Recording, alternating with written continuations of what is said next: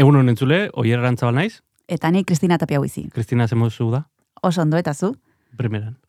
deskantzatu duzu? Edo lanean egon zara? Lanean egon naiz, bai. Oh. bai. Desk, bueno, porrak izan ditut, baina ze laburrak egiten dira. Ja, oporrak beti laburrak izaten dira. Eta lanaldia luzea. Eta naiz eta hiru hilabete izan, motzak. Eh, Bai, bai. Umeek hori esaten dute. Hala da, bai, bai, bai. bai, bai. Oitu egiten zara, ez? Bai, E, bueltatu gara. Hemen gaude Eh, berriro. Hemen gaude berriro, Donostia Kultura Irratian, ispilu beltzarekin, baina Bukaeran esan genuen, ekainan, ez ust- uztaian, e, berrikuntzak izango genituela aurten, bai, eta berrikuntzarekin gatoz. bai. Eta horrek esan nahi du, e, e, zaharrok alde batera egin behar dugula. Batez ere ni, naizelako maiontako zarrena. Asier, egunon? Egunon, egunon. Asier Errasti. bikote. Asier errazti, asier errazti hori da. Hori da. Izagirre, Izagirre, zer Ondo, eh? ondo, Ondo, bai. ni pixkate urduri, zer egiten eh? duzu hemen, hasier kontatu pixka Ja, bat. Ba, joe, ba, aldaketa hundia, lehen urtean, e, bueno, lehen urteko azkenengo, ez, e, e, bueno, ba, garai hortan e, kantakateioa hartu nuenik, Jon Gartziari errelboa egin nion, Mhm. eta orain, ba, hilabete gutxi batzuk eranduago, ba, bueno, mm, uste dute orain beste errelego bat e, tokatzen zaidala, ez da? Euri asko egin du, izpilu beltzaren lehenengo atala argitaratu genuenetik. Eta ordutik, eh, elkarren zuten egon gara Donostia Kultura Irratian. Familia era jende berria batu da. Eta orain, testigua, asier erraztik hartuko du. Irratia maite duen, gazte batek. Uda urduri pasadu, saioa prestatzen. Bai, egia esan bai gauzak prestatu behar izan ditu dalako, ba, gaurko egunari begira. Gaurko eguna baita, asier erraztik izpilu beltzaren testigua hartuko duen eguna. Programa berrituta dator, egia da betiko kolaboratzaileak e, bueno, ba, izango ditugula, e, baja bat izan ezik, Mikel Iturriak e, aurten, bueno, ba, utzi egingo gaitu, berak iragarri zuen, pasaden urtean, Mhm. e, urtean ez, ikaste urtean haueto Mm. esan da, eta hain zuzen errelebotzaz e, hitz egin da, ba, Mikel Iturriaren erreleboa, agendaren errepasoa eta guzti hori, nork egingo du? Ba, igual ni neu. Perfecto, venga, ya, Ni neu. adjudicado. A- Apuntatzen zen? Bai, apuntatu. Ez dakit segunetan emango diazun txanda, baina nik egingo dut. Agenda errepasatuko dugu, eta bueno, gauza interesgarrienak eta aipatuko ditugu, badekizue Donostia Kulturak hainbat gauza antolatzen dituela, hemen batzuk aipatzen ditugu, ez dugu tarterik denak e, esplikatzeko, eta orduan, ba, bueno, gauza interesgarrienak edo bitxienak, hemen e, astelenero, ez dakit astelenero, hasier, ze oraindikan Eh, eske, claro, eh, ezin gara pasa zu egunero hemen ispilu beltzan izatetik orain astean min izatera. Orduan, mm, iruditzen bazaizu astelen eta ostiraletan etorriko zara, Vale. astelenetan gaur. Eta, eta aste arte, aste azken eta ostegun jai. Eh, bueno, ondoan izango zaitu bulegoan, baina beste kontu batzuetan agian. Ah, bueno, orduan hori jefekin hitz egin beharko Bai, dugu. Hori da, bai, bai, bai. Vale, orduan, vale, astelen eta ostiraletan etorriko naiz. Astelen eta ostiraletan eh, etorriko zera, ba, esan dakoa, iturriari errelebo hartu eta Ados. eh, astelenetan, ba, astean zehar eh, donostian izango ditugun ekitaldien inguruan, eh, bueno, ba, berbetan aritza, eta ostiralean, ba, astebururako guri, mm, iaia esaten den bezala purean eh, planak antolatzera. Ederki, hemen egongo naiz. Eta oierrek lana izango du edo libratuko da? Oierrek ere nahi izan du, eh? E, muturra sartu, eta oierrek ere jarraituko du, asteazkenetan, e, bere kasuan, e, bueno, kontatu zuk, lehen pertsonan, ez zertan arituko zaren. Bueno, muturra sartu ez, ez dut atera. egia da, egia da. ez dut atera. Eh, ez dakit zertan hariko naiz, eh? Kultura digitala hitz egiten. Hori esan dit eh, zuzendariak, sa- saioko zuzendariak. Eta oraindik e, ez daukazu barrendatuta gehiagi kontzeptua. bueno, eh, asmatuko dugu, zer dan, ez? Asmatuko dugu. Gai interesgarri ekarriko ditugu mai gainera, eta, eta solasean hariko gara, ba, puri-purian dago, sarean puri-purian dagoen kulturaren inguruan. Eta batzutan donostiarekin harreman duta, beste batzutan ez, ikusiko dugu. Mhm. Librean, librean. Analogikotik digitalera egingo dugu saldo zurekin. Bai, edo, edo zein doinu eta neurrian, bai. Kaixo entzule, ni hasierra rasti naiz eta hemendik aurrera egunero egunero mm, kulturaren labirinto honetan elkarrekin galtzea proposatzen dizut. Kristina, Oier eta bidean egingo ditugun lagun guztiekin batera. Eta, bueno, nahi baduzu ez duek orain joan bulegora, jarraitu zuen e, zereginetan, eta nik olinpidatan egiten den bezala, e, antortxa hartu, eta urtengo izpilu beltzari, ba, basiera emango diot. Eman, Ederki, manegurra. zorte hon. Ispilu beltza, astelenetik ostiralera, asierre rastik zuzendua. Hogeita amasei urte daramatza paiazoren egiten. Paiazoren egiten zentzu honean, oso honean.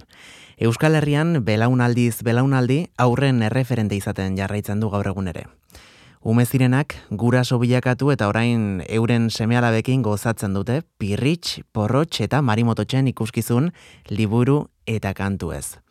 Ni oraindik ez naiz guraso, eta ez dakite noiz bait izango naizen ere. Baina zortzi urteko hasierari kontatuko banio bere garaian, hogei urte beranduago, porrotx, hemen, nire parean izan, eta hau elkarrizketatzeko aukera izango nuela, badakit urtxo horrek gau asko pasako zituela lorik egin gabe, eguna noiz iritsi zain. Batira, egun hori, iritsi da. Jose Maria Girretxe, ongi etorri gure izpilora. Eskerrik asko hasier ni gaur lo lasai dut, baina esnatutakoan gogoratu naiz ze zurekin neukala itzordua eta irribarre bat piztu zait aurpegian. ba, eskerrik asko, Jose Mari.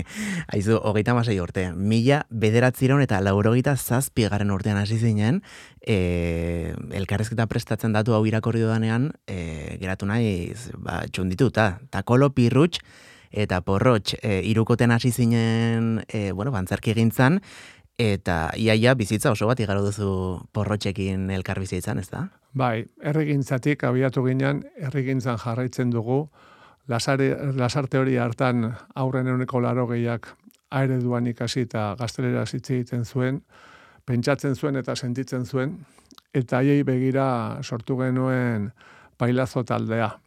E, Euskaraz e, gune alai bat izan zezaten e, gozatzeko. Eta hasieran bizuta behoiek izan baziran gure lanaren e, oinarri, alaitasuna eta Euskara, ba, bere ala kontuatu ginean eredu ere baginala hientzat eta balioak lantzen hasi ginen. Eta gaur arte, pozpozik. Gainera bitxia da, e, gehienek jakingo dute, baina zu izatez, bueno, ez dakit noiz uzten den Euskaldun berri izateari, baina e, Euskera ikasi egin zenuen e, marimototxek mertxek bezala, ezta? Bai, garai hartan, zuk aipatu bezala, takolo, pirrutx, Euskaldun berriak, eta porrotx, ni neu, e, Euskaldun zaharra, baina alfabetatu gabea. Eta nire ikasketak Eskola Nazionaletan burutu nituen, nire bizitza kalean lasarte hori hartan gaztelera zen, eta mm, gazten erabe nintzenean e, aekan izena eman, e, alfabetatu eta magisteritza euskera egin nuen. Eta orduan lasarte horia berrezkoaldun du dezagun, e, taldea bazeon, aktivista lasarte horian, eta bertatik abiatu eta pailazo taldea sortu genuen, printzipioz lasarte horiarako zana, eta gero, pues, e, zuke ipatu bezala, hogeita masi urteko ebilbide hau egin duena, gaur egun pirritxe eta marimototxekin, eta marimototxe bera e, gu ez bezala Estremaduran jaioa da, eta hogei urte zituela izan lasarte hori hartan Euskara ikasten zerotik. Ez? Bere garaian, berak dioen moduan, gazteak eh, Londresea joate zirenean hopper moduan inglesa ikastera, bea errigoitiko barretegira jozuen, eta eta gero gurekin ba gaur arte pozpozik. Eta zer nolako indar hartu duen eh? Zuen irukotean eh? Zuen taldean. Bai zalantzari gabe. Eta bera euskara ikasten hasi zala iritsi izan egun bat e, euskara zere amestu zuela eta esateu izerdi asko botatzula euskara ikasten baina egun horretan zoriontsu esnatu zala ni gaur bezala honea torri bernolako. Eta gerora, ba, zoriontsu bizi da, ez? E, bere bizitza, bere lana, euskaraz egiten du eta beraentzako e, gauza handia da e, gaur egun beha jasozun euskara hori aurrei eta hien familiei oparitzea ez eta ondo pasaz. Aipatu duzu erregintza euskara e, hogeita masei urtetan mm, zenbat aldatu den mundua, ezta? Zenbat aldatu garen gu eta zenbat aldatu den ere bai e, zuen jarduna, e, zuen edukia gizartearkin batera ere eraldatu delako urte guzti hauetan. E, agian lehen hasiera batean ba, gai utxalagoak edo ez, e, garaiko umorea egiten zen dute, baina gaur egun sekulako gai potenteak hartu eta horiek e, holtza gainera igotzen dituzu. Bai, e, euskal kultura bezala. E, guk diogu izokina garela korrontaren kontra, eta izokin izateak, ez, oztopoi aurre eginez eta hola bizi gara euskaldunak, hor dauzkagu aurrian epaileak eta komunikabideak eta bestelakoak eta gu pauso bat eman eta hiek bi eta eta zaia eta nekeza da hori, baina izokin izateak ere emate dizu empatia bat zu bezala ertzekoa direnekin, borrokan ari direkin eta saltoka igerian egan egin behar dutenekin, ez da. Horregatik, e, ba, ertzetan dauden hoiekin bat eginez beste mundu bat e, aldarrikatzen dugu eta maite dugu, eta euskal kulturak hori egiten du, gure abeslariek, dantzariek, musikariek, idazleek, antzerkilariek, eta pailazook, e, beste munduan nahi dugu, mm, denona izango dana, denontzat, kultura eta hizkuntza guztiekin, natura zainduz, eta ezkidetzan, eta eta arrazekeri gabe, eta beste justizia batekin, ez?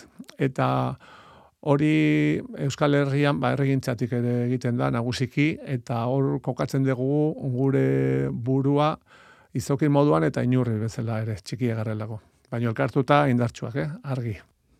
Ba, jarraian eh, aipatuko ditugu, bueno, zuek ba, holtza gainean lantzen dituzuen gai hoietako batzuk, e, ala ere, aipatu beharra dugu, hogeita masei urte hauek ospatze aldera ere, zuek e, sortu duzuela, ez da, ikuskizun berezi bat, urteak bete, abenturak bizi e, izena duena, azkenean, ba, hogeita masei urte hauetan, bidelagun asko izan dituzuelako, noski?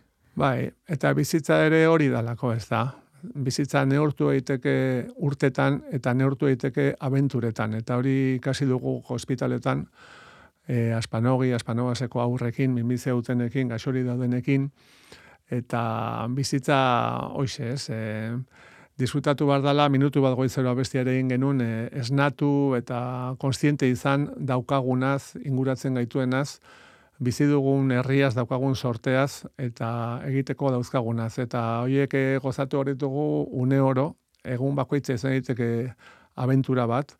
Eta horri erreferentzia eginez e, sortu genuen ikuskizun hau urte guzti hauetan egiten ditugu egin ditugun lagun guztiekin, bueno, hoietako batzuekin, ez? E, Kintxo Barrelete etorriko zaigu Hego Amerikatik eta Erta Amerikatik bere kometarekin, etorriko zaigu anakleto hijitoa, mm etorriko zaigu e, pospoli marisorgin, eta mona Josefina, eta beste hainbat lagun, ez? Eta haiekin partekatu ditugu bizipenak, abenturak, haien handik asko ikasita jaso dugu, eta haiekin ospatu genuen gure zoriona. E, Amona Josefina aipatu duzu, imaginatzen dute zenduko zela, dagoeneko ez da? E... Bai, e, zendu zen, baina gure bihotzetan bizi da. Eta eta askotan gogoratzen gara arekin, arekin bizitutakoekin, haren gandik e, ikasitakoekin, eta bere bihotza gure bihotzetan dago, eta gure bihotzaren puska bat ere arekin joan zen. Baina, bueno, gure irrikantu eta amets bakoitzean e, daramagu gurekin. E, urteak bete abenturak bizi aipatu dugu hori da zuen e, bueno, ba, ikuskizun nagusia edo formatu handiko ikuskizuna, e, baina hain zuzen, bueno, ba, zuekin abenturatan aritzeko aukera ere izango dugu. E, aste honetan, hemen donostian, altzan hain zuzen, irailaren amalauan, e, donostiara zatoztelako, jolastoki eta plazara, baina kasu honetan beste, beste ikuskizun batekin, ezta? Bai, e, pandemia garaian, orain dela irurte, amaren intxaurrak ikuskizuna ingenuen, mhm. hain zuzen ere, mari mototzen ama gogoan, mari mototzen ama loreto zen, loreto, beti hobeto, hori izan bere filosofia, e, bere parkean ezagutu genuen, parkea zaintzen zuelarik, e, parkean ipuina kontatzen zituelarik, e, azi magikoak jasota ere iten zituela, eta parkearen defentsan espropiatu nahi zutelako ez. Han ezagutu genuen e, Loreto, ezagutu genuen bertan Mari Mototx, arbolaren gainean zeukan bere txabolatxoan, eta lagunen ginen betirako. Eta urrungo urtean Mari Mototxi mototxak erori zitzaizkion, minbizi hartu zuelako, gura ere bizipen gogorra bezain ederra izan zen, guretzat asko ikasi genuen hartatik. Gerora ere, pues, amatxo itxutu zen, e, nagusia zala eta bihotzarekin ikusten ere erakutsi zigun, eta azkenik e, hil egin zitzaigun, eta orduan e, doluaz e, nahi genuen hitz egin, doluan nahi genuen bizitu, eta amaren intxaurrak e, jaiozan, ama hiltzean e, intxaur ondo bat landatu genuelako, eta gerora behin azita, intxaur bat jaten dugun aldiro, amarekin gogoratzen garelako, haren bizipenekin, haren handik ikasitakoekin, eta hori burutu genuen, ikuskizun ederra, herri zerri, arbola koparituz, ere induz, eta aitzakiak emanez, eriotza den inguruan solasteko, partekatzeko, denok daukagulako guri inguruan norbait, e, hil zaiguna, joan zaiguna, eta, bueno, da gai bat, e, nahi nahi ez, e, landu beharrekoa ez. Eta gu, e, aurrekin eta familiakin gaude barre egiteko, ongi pasatzeko, baino laguna ditugunez, baita ere tristura partekatzeko, beti direlako goxoagoak horrela, eta eriotza tartean dagoenean ere gertu egoten saiatzen gara, eta eta ondoan egonda pues, e, laguntzen gure presentziarekin eta gure sudur gorriekin.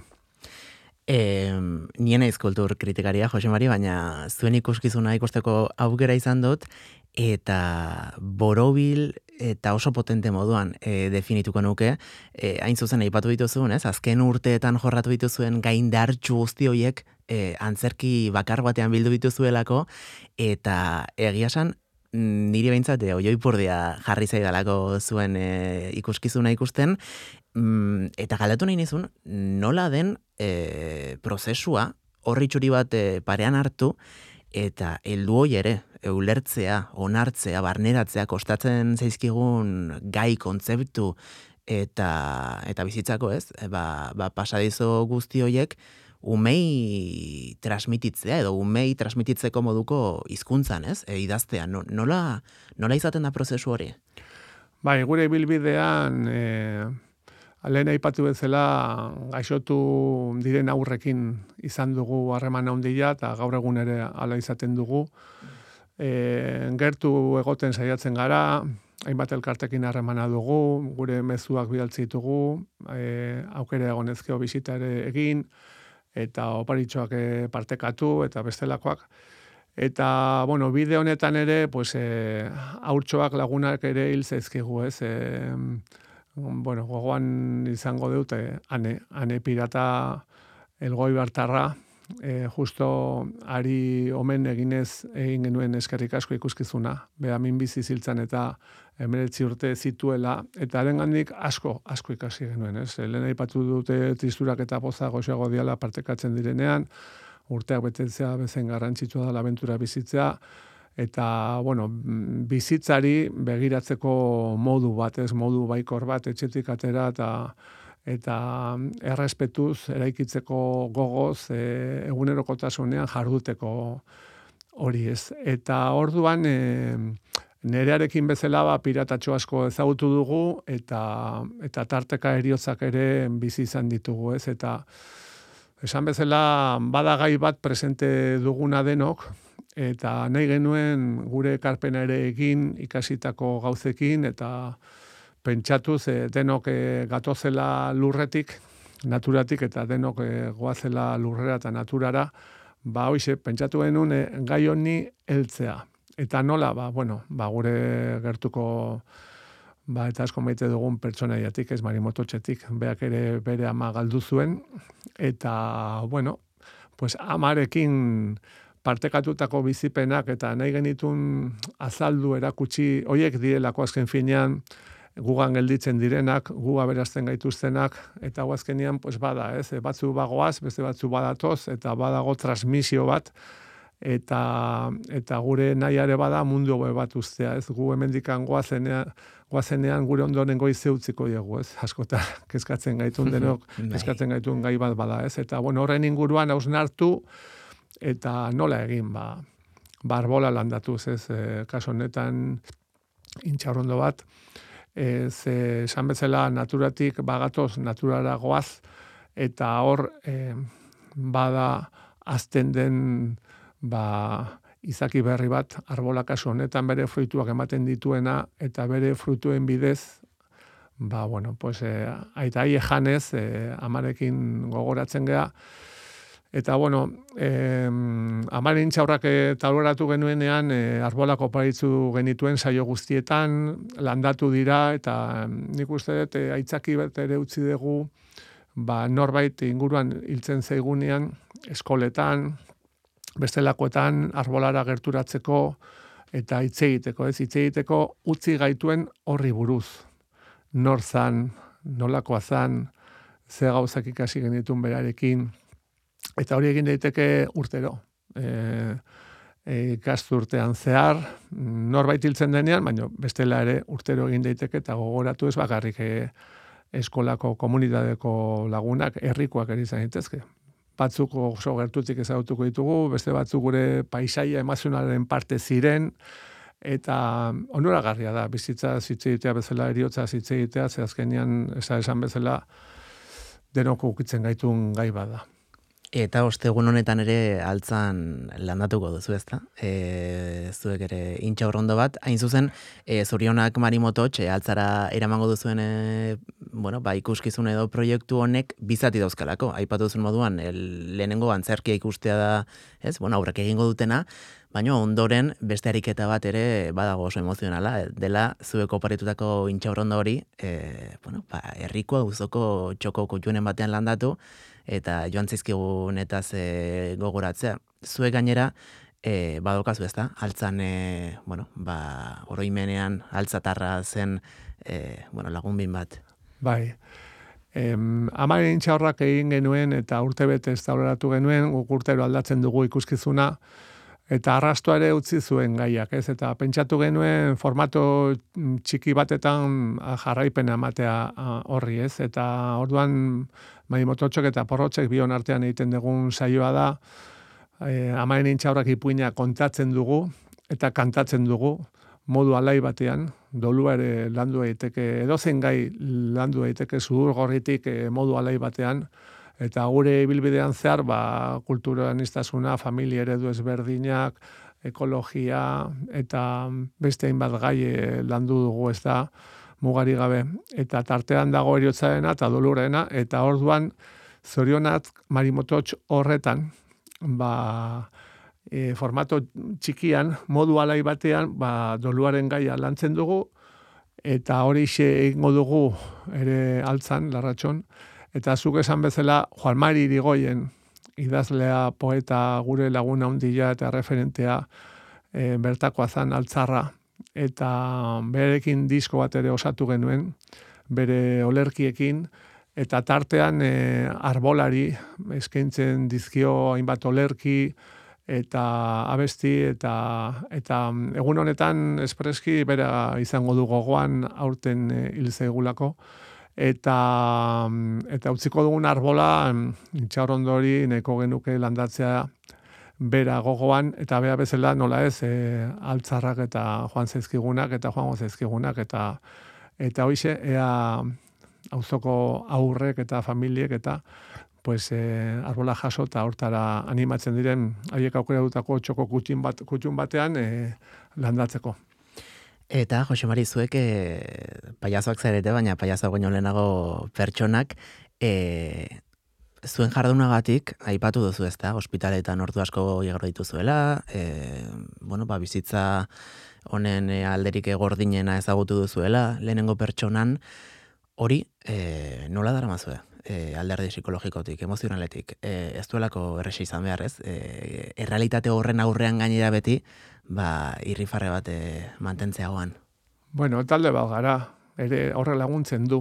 Azkenian, e, hemen pailazoa gaude, teknikariak, aktoreak, dantzariak, bestelakoak eta elkarrekin egite ditugu lanak, prestatze ditugu, taularatzen ditugu, eta gure inguruan ere beti, pues bueno, elkarlana bultzatu dugu, ez, e, musikariak, kantariak, idazleak, margolariak, ez, bestelako artistak e, kontutan hartu dugu, oso pozia gaude Euskal Herrian horretarako pues, aukera ederra egoten dalako beti, Eta gero lauzka, laguna dauzkagu, guretzat e, saiotara etortzen direnak ez dira ikusle hutsak, e, behar izan ezkeo lagunak ere mm, gaituzte, mm, gertu, behar dutenerako, eta ni uste eta azkenian komunitatea osatzen degula, ez, e, hemen gaude aurrak, familiak, ikastetxeak, herrikintza, administrazioare behar denean, eta denon artean herri txiki bat gara eta komunidadea osatu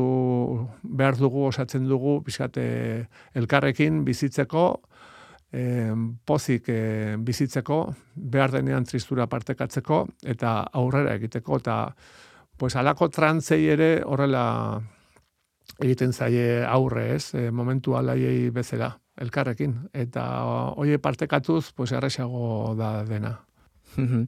e, elkarrezketa prestatzeko atzo bertan e, ikusi nuen 2008 bat garren urtean e, andoaingo bastero kulturgunean eskaini zenuten ikuskizuna, e, amaren intxaurrak ikuskizuna zuzen, eta aipatu ditugun gai indartxu guzti hori ezaratago ere bai, e, bertan ikusi aldiren irudiek ere, ba, bihotza uzkurtu zidaten ez, e, aretoa erdi utxik ikustea, e, aurrak e, beste aurren gandik isolatuak, euren gurasoekin, musukoak hauan, e, zuek nola bizizan duzu pandemia, gizarteko kolektibo zaurgarrienetako batekin lan egin da urtsuekin?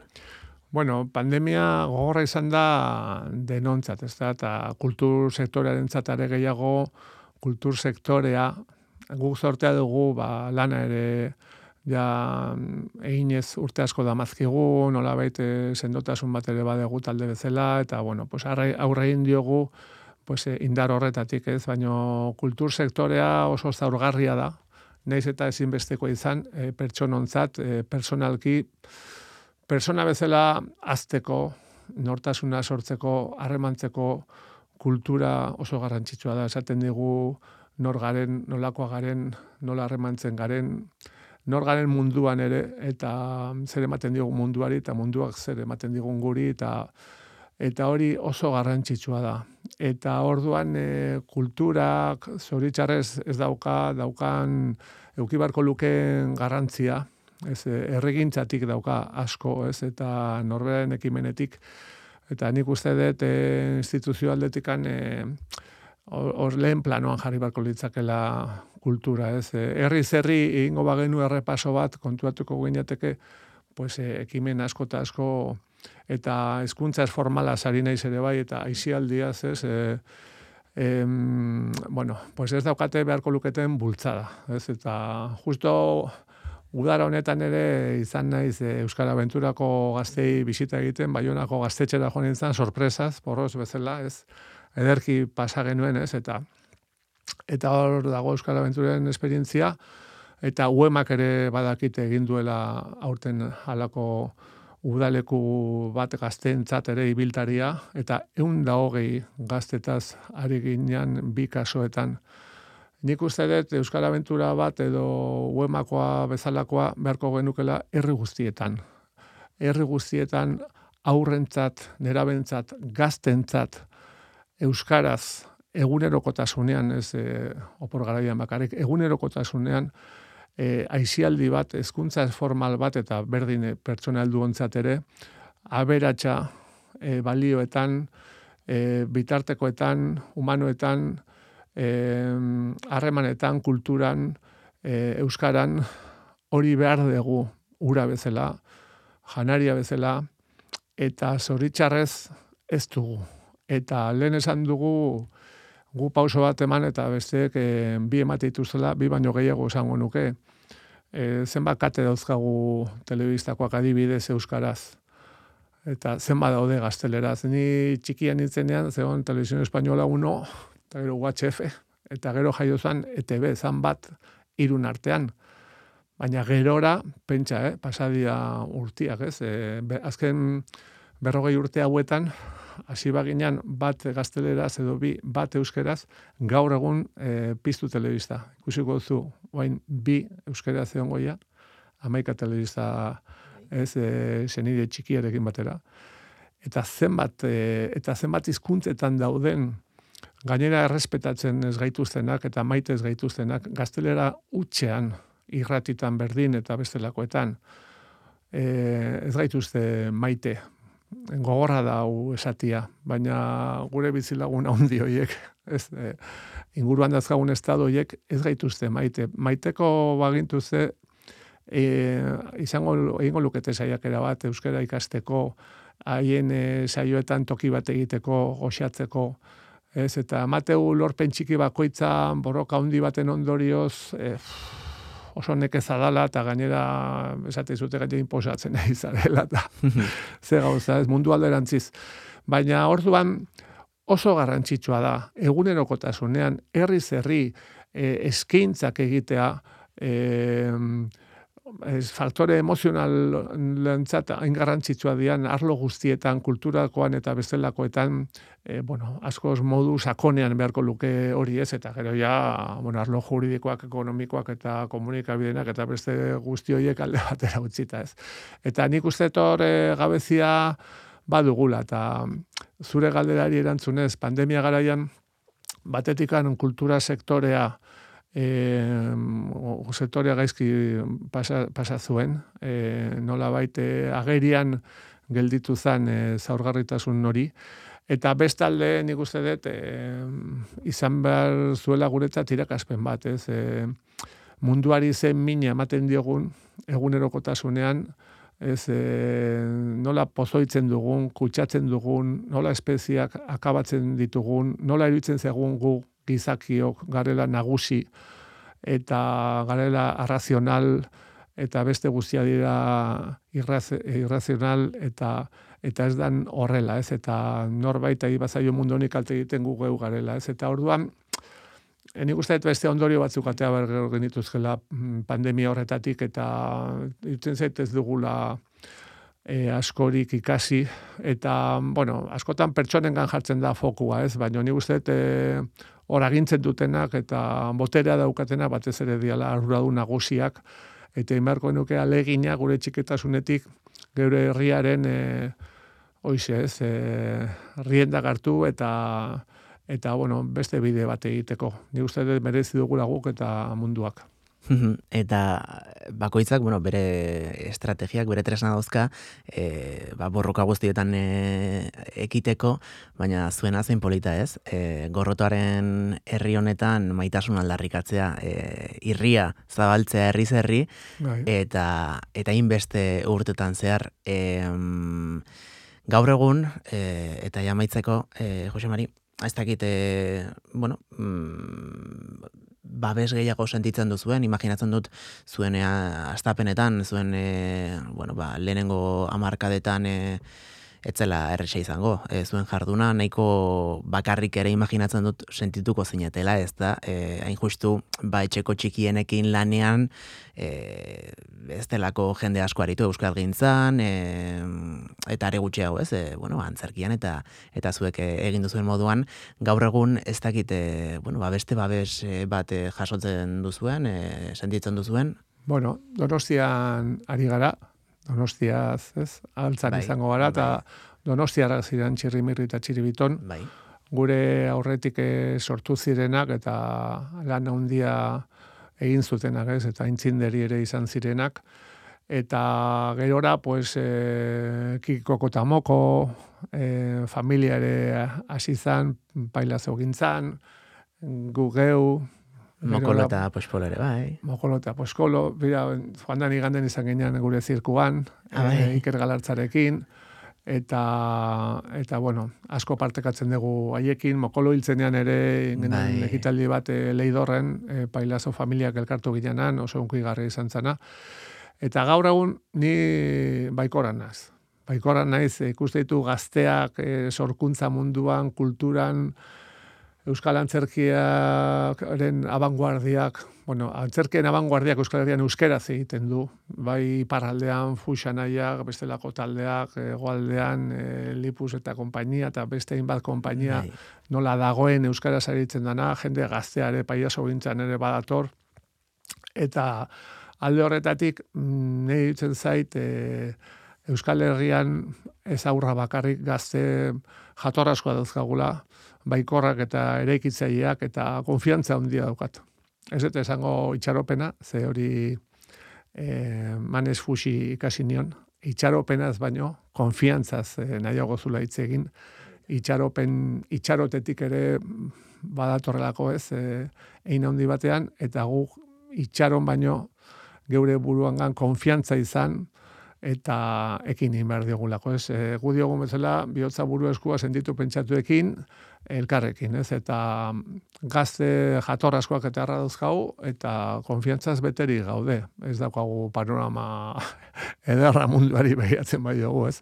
Baina bai, e, konfiantzaz e, behiratu behar diogu, eta eraikitzaileak izan, zuk esan dezun bezala, zudur gorritik, maitasunetik, eta alaitasunetik e, ez dakite hau buruan izango duzuen, e, denongoa zadinan aurrera, eta zuek ere bain oski, erretiro hartu edo ez, hori, bueno, e, zuek ikusiko duzu, e, imaginatzen dut, e, hau lan bat izatetik aratago ere badi joala, e, zuen e, jarduna ikusita, zuen bokazio ikusita, baina, bueno, egunen batean e, honi agur esatea erabakiz gero, lasai geratzen zara, e, testigua pasata, ba, ba egungo, bueno, ba, generazio berriai. Egia esan, gu pozi gaude talde bezala egin dugunarekin, eta atzera behiratzen dugu, eta jo, ba, zenbat aur, zenbat familia, ez, e, zenbat maitasun, ez, zenbat e, jaso degun eman, eta gu geu ere nola eraldatu garen, ez, e, porrotxinik eman nion, bere lehen arnasa, bere ibilera, bere izakera, mm, bere hasirako baldarkeri ura, E, baina denborarekin porrotxek asko eman dit niri, ez? E, bere musuak, bere besarkadak, partekatu duen guztia, ez? Alaitasuna, tristurak, eta nik porrotxi begira asko ikasi dut, eta azita ezi egin naiz, eta ni bezala nire taldekideak, eta orduan e, afizio eta ofizionek asko eman digu, asko ematen digu, eta gure asmoa, e, desazeleratzen ari garen bezala, ez? E, guk ere, ba, zuk esan bezala, ja urte batzuk ere damazkigula kontan, eta azkenian gozatzen duzu lanarekin, baina gozatzen duzu lanetik aparte ere, bai, ez? Eta bai, desazeleratu egingo dugu, ari gara, dagoeneko, hori ne dugu modu goxo batean egin, elkarrekin, elkar zainduz, eta mm, bai, mm, gutxinaka gutxinaka, pues jo, gea, ez, e, lurrarekin bat egiten esaten genuen bezala. Baina, bueno, zudur gorria beti eramango du gurekin, mm, nahiko genuke eta saiatuko gara jarraitzea sudur gorriarekin, saioak egiten, txikiagoak badira ere, eta nik esaten dut la txantxetan, baina hiltzen ezenean hilkutsari bizulo ingo izkugula zapata gonuntzateatzeko, ez? eta hoize, zur gorriarekin e, joango gara mundu honetatik, baina bueno, espero dezagune hortarako ere, pues oraindik asko gelditzea, ez? Eta mm, eta gelditzen zaigunaz, pues e, gozatzea, disfrutatzea eta partekatzea gure lagunekin gogoratu behar dugu, ostegun honetan izango zaretela arratsaldeko seiterdietan altzan, e, porrotx eta marimoto txekin, ikuskizu nederonekin, bueno, ba, jolastoki eta plazan e, bizipoza e, aldarrikatuko duzue, e, beraz, bueno, ba, entzule guzti, animatzea, e, duzuna dina duzula ere, e, zin dagizuet, ikasketaren batekin itzuleko zaretelako, ostegun honetan, etxera. Eta zuk aipatu duzu, e, egunen batean denok utziko dugu mundu hau, e, bintzat e, gorputz forman, zuek e, antzerkian diozen moduan, eta zerbait argi e, izan badezakegu, hori da, Euskal Herriak, Euskal Herriak, ez duela inoiz, ez takolo, ez pirrutx, ez pirritx, ez porrotx, eta ez marimoto txastuko. Jose Maria Gerretxe, eskerrik asko irribarre batekin etorri ditzen bezala, irribarre batekin joango nahi zemendik. Asi, eskerrik asko zure goxotasunagatik eta kariñagatik. Ba, mi esker eh, Jose Mari, mi esker porrotx, eta laizter arte. Hoize, laizter arte txurro, txokolate, lechuga eta tomate.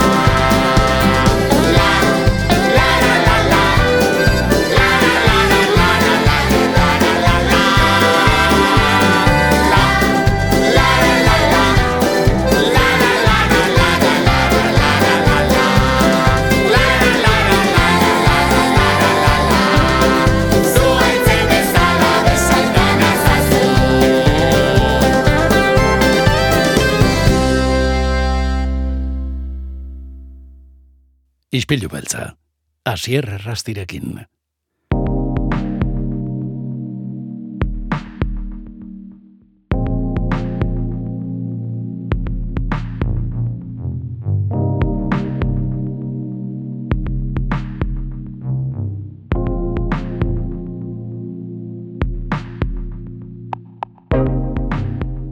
Tira, eta elkarrezketa zoragarri honen ostean, orain, bueno, ba, asteari begira jarriko gara. Aste honetan, aspertzeko aitzakiarik ere ez dugulako izango gurean, donostian. Kaixo, Kristina? Egunon, hasier zer moduz? Oso ondo, zeharraro egiten zaiten nik zu Mm, aurkeztea. Ja, ni ere urduri nago, eh? Aitortu behar dut.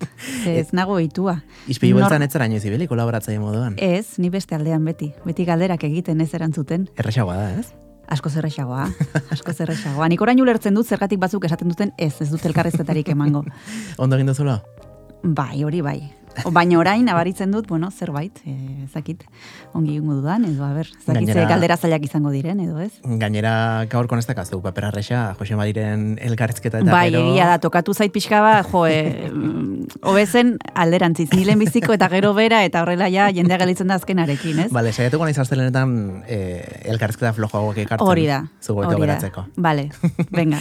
Eta esan dugu, nahizu, em, gure iria ez da izugarri handia, baina behintzat, e, aspertzeko aitzakiarik ere ez dugu izaten e, kultura arlotik behintzat, eta eta zer, zer aurkitu genezake, edo zer egin genezake, hobeto esan da gurean, e, aste honetan. Bueno, aipatu behar ditut, helen, e, hola, ekitaldietan e, sartu aurretik e, jai batzuk, ze horiek ere badira kultura, eta orain Claro. udan gaudenez, e, aipatu nahiko nituzke e, porrontxo, porrontxo jaiak, egian, jolastoketako jaiak, eta loiolako herriberetako jaiak ditugula aste hontan eta aste buruan ere bai, e, beraz, nahi izan ez gero, ba hori, loiolan altzan eta egian, ba, seguru e, ekitaldiren bat izango dela interesgarria entzulearentzat eta hor aukera pila izango dituztela eta ora buda bukatzeko nik uste dut plan aproposa izan daitekela, ez?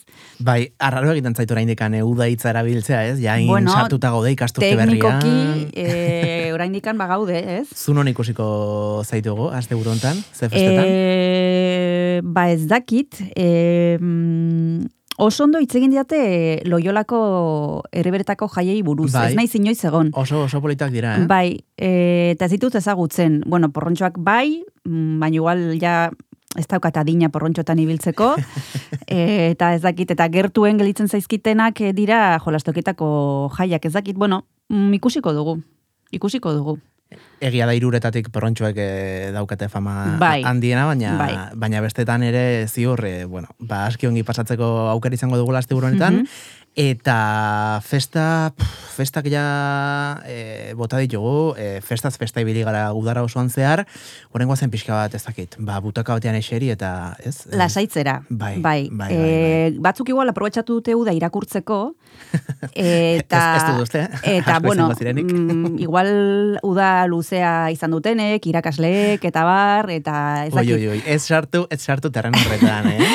Dena den, norbaitek ez badu irakurri eta egunotan e, aukera baldin badu, nik e, bi e, liburu botako ditut, ze hoien inguruan arituko digra e, Santelmo liburutegi nagusian, e, ariko dira e, iraiaren amaikan eta amabian, arratsaldeko zazpietan, e, bi kasuetan, eta iraiaren amaikean e, gaur bertan, e, zazpietan, e, arituko dira Salman Rusdiren Victori Zitiren liburuaren inguruan, eta e, bihar, aste artean, Joseba Sarrinandiaren lagun izoztuaren liburua. Badekizue, donostian hainbat tertulia egiten dira e, literatur solasaldiak, e, tertuliak, e, zita literarioak, deitu nahi dezun bezala, euskeraz, e, gaztelaniaz, frantsesez eta inglesez e, daude, eta nik bi hauek e, aipatu nahiko nituzke gaur eta bihar, bueno, ba, justo mm, norbaitek nahi baldin probatu, eta as- ikasturteari hasiera on bat eman, eta gero ba, jarraitzeko aukera badu, ze oso, mm, bueno, ekitaldi politak dira.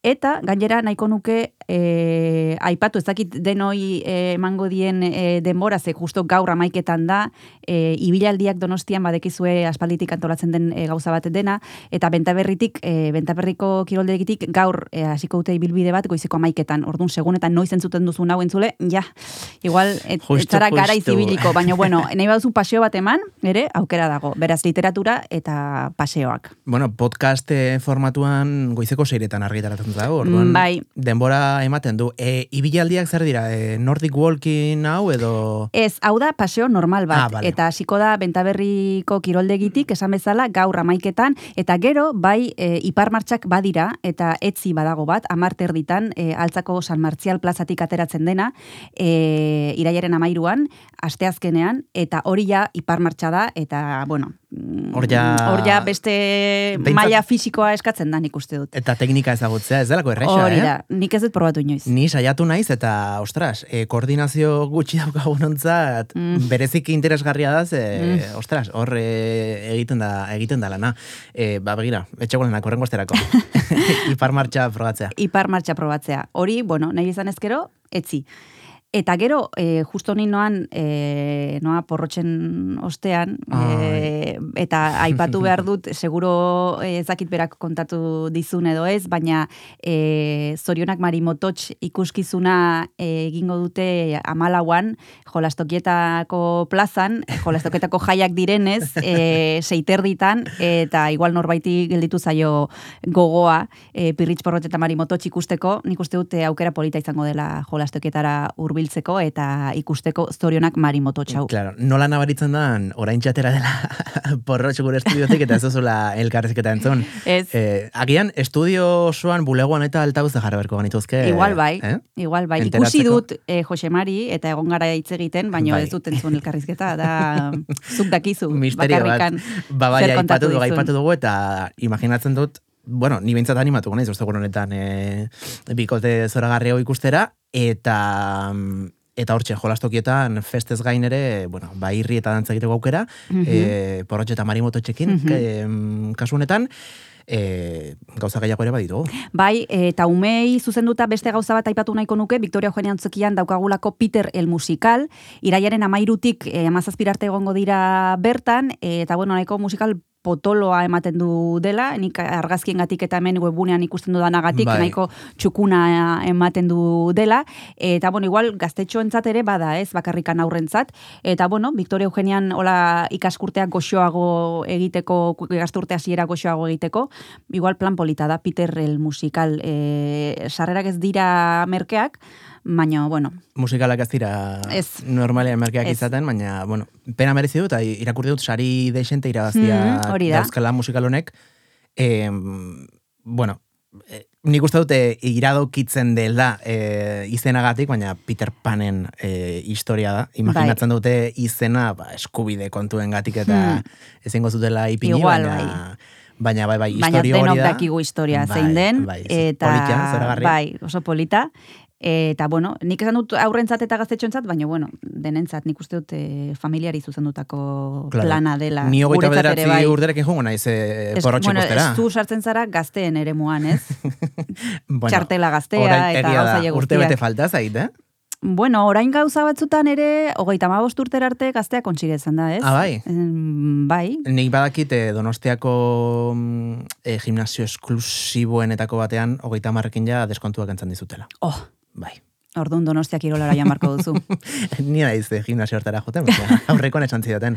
Bueno. Eta horrek mina egiten du ja, ez garelako hain gazte sentitzen. bueno, ba, oaindik gelditzen zaizu bidea, eh? Aizu, eta gustatzen zaite aurtxontzako planak ekartzea, askotan Mhm. eh, fokua jartzen dugulako beti helduontzat eh, bueno, ba, programatutako Mhm. gauzetan, baina aizu, guraso zareten guztiontzat, esatea donostia kultura.eu zen, sekulako, bueno, eh, eskaintza zabala dagoela, bai astean zar, eta baita batez ere asteburuetan, Bai, ez da, aurrekin bai, egiteko, bai. eta aprobetsatzeko. Bai, gogoratu behar dugu, e, donostiakultura.eu webgunea berritu dutela, eta orain e, nahiko argi ikusten dira gauza Bai. guztiak, eta atal bat dago e, guztiz dedikatua aurrei, eta hor e, ikusiko duzue oso argi ze gauza dauden. Eta gero nahiko nuke esan beste gauza bat, helduentzako direnak, balio dute baita e, aurrentzat ere, Ere bai, eh? ere bai, bi, Eh, bi ze norabideetan. orain em, ordutegiak aldatu egin dira pandemia dela eta eta nik uste dut ordutegi hoiekin aurrak ere e, bueno, e, aurrek ere disfrutatzeko aukera dute, adibidez, e, musikagelako kontzertuak. Larratxon, Bikutz tabernan, e, irukote taldea egongo da, e, badekizue musikagela proiektuak e, ba, laguntzen dituela bertako taldeak, eskaintzen diela lekua entzaiatzeko, eta bueno, baliteke plan bat ere aurrekin joateko, naiz eta berez helduentzako planteatuta dagoen. Besterik gabe. Bai, bai, e, badirudi tabernan izan da kontzertu bat beti ez, e, Hmm. helduentzako kontua dela, baina haizu, Hmm. mm, nik ez dut alkoholik eraten eta ibiltzen naiz tabernetan hori da. kontzertuak ikusten eta Hori da. Aizu, e, hori gehiago sustatu beharko nuke. e, beraz, musika ere badugu aste honetan. Bai, musika, eta gero nahiko nuke aipatu antzerkia, e, dator e, Maria Danez, eta Joaquin e, notariorekin batera, Ai Carmela, antzeslanarekin, antzokizarrean egongo dira amairutik amazazpirarte, arratsaldeko sortzietan, eta bueno, badekizue udan antzerkin mordoa ikusteko aukera izan Bai. dugula, eta bueno, ba oraindik ere baditugula gauza interesgarriak, esan bezala Ai Carmela antzezuko dute Maria Danezek eta Joaquin Notario Kasier. Ba, Victor Eugenean e, hortxe eskaintza. Ez, antzokizarrean. Ah, antzokizarrean. Bai, antzokizarrean. Ai, zema gustatzen niri antzokizarra, Bai, eh? bai, bai, Jo, antzokizarrean. ba- Baduka bere xarma, eh? Bai, bai. Bai, bai, bai. Em, Eta ja bukatuko dugu, zer irutzen zaizu musikakin bukatzen badugu. Mm, zoragarri, zoragarri, gaurko saioa egia esan e, potente joan da. E, nik uste Mhm. dut, e, gaztelan esaten den moduan, por todo lo alto, estrenatu dugula izpilu beltzaren denboraldi berria, eta por todo lo alto ere bai, e, Leister gurean izango dugun kontzertua. Bai, e, malerren kontzertu bat proposatu behar dizut, e, zer irutzen zaizu hasier. Niri musika klasikoa bak ez izugarri gustatzen zaidala, e, eta gainera Mahler oso artista kutxuna daukat, Hmm. bere garaian kursalean, e, Mahlerren zortzigarren sinfonia Mm. abestu nuelako kurarekin Bitu, batera. ba oraingoan aukera izango dugu bigarrena entzuteko. Ah. Kursalean izango da, asteazkenean, etzi, arratsaldeko zazpiterdietan, badekizue Euskadiko Orkestrak hasi duela denboraldia, eta Euskadiko Orkestrako musikarekin batera gongo dira Donostiako Orfeiko kantariak, eta gainera mezzo bat, eh, Maria Jose Montiel, eta Miren Urbieta sopranoa. Beraz, nik uste dut plan ezin hobea dela, badekizue abonatuek eh, daukatela lehentasuna, baina gero sarrerak solteak ere eh, saltzen dituztela orkestran, eh, eta esan bezala, etzi, be, zazpiterrietan Malerren bigarren sinfonia resurrekzion izena duena, entzuteko aukera izango dugu.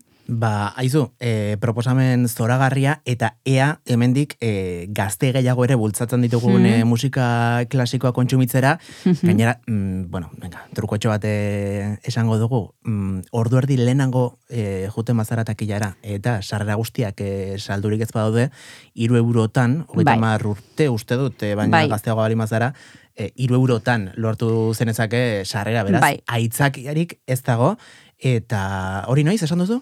Etzi, e, asteazkenean, Begira. aire- iraiaren amairuan, kursalean, zazpiterdietan. Ba, Kristina, eskerrek asko gurean izateagatik, urrengo ostiralean e, elkartuko gara berriro, eta zuei ere bai, entzule, e, eskerrek asko gaur gurean izateagatik, e, badakizue, astelenetik ostiralera ispilu beltza barra barra izango duzuela hemen, egunero egunero, Donostia Kultura Irratian, egoizeko zortziretatik aurrera, eunda zazpi puntu lau FM-an, Donostia eta Donostia inguruetan, eta bestela nahieran, badakizue, irratia.donostiakultura.eu donostiakultura.eu satarian edo zure audio plataforman goizeko seiretatik aurrera. Gure aldetik besterik ez biarritzuliko gara, muitxu erraldi bat, agor!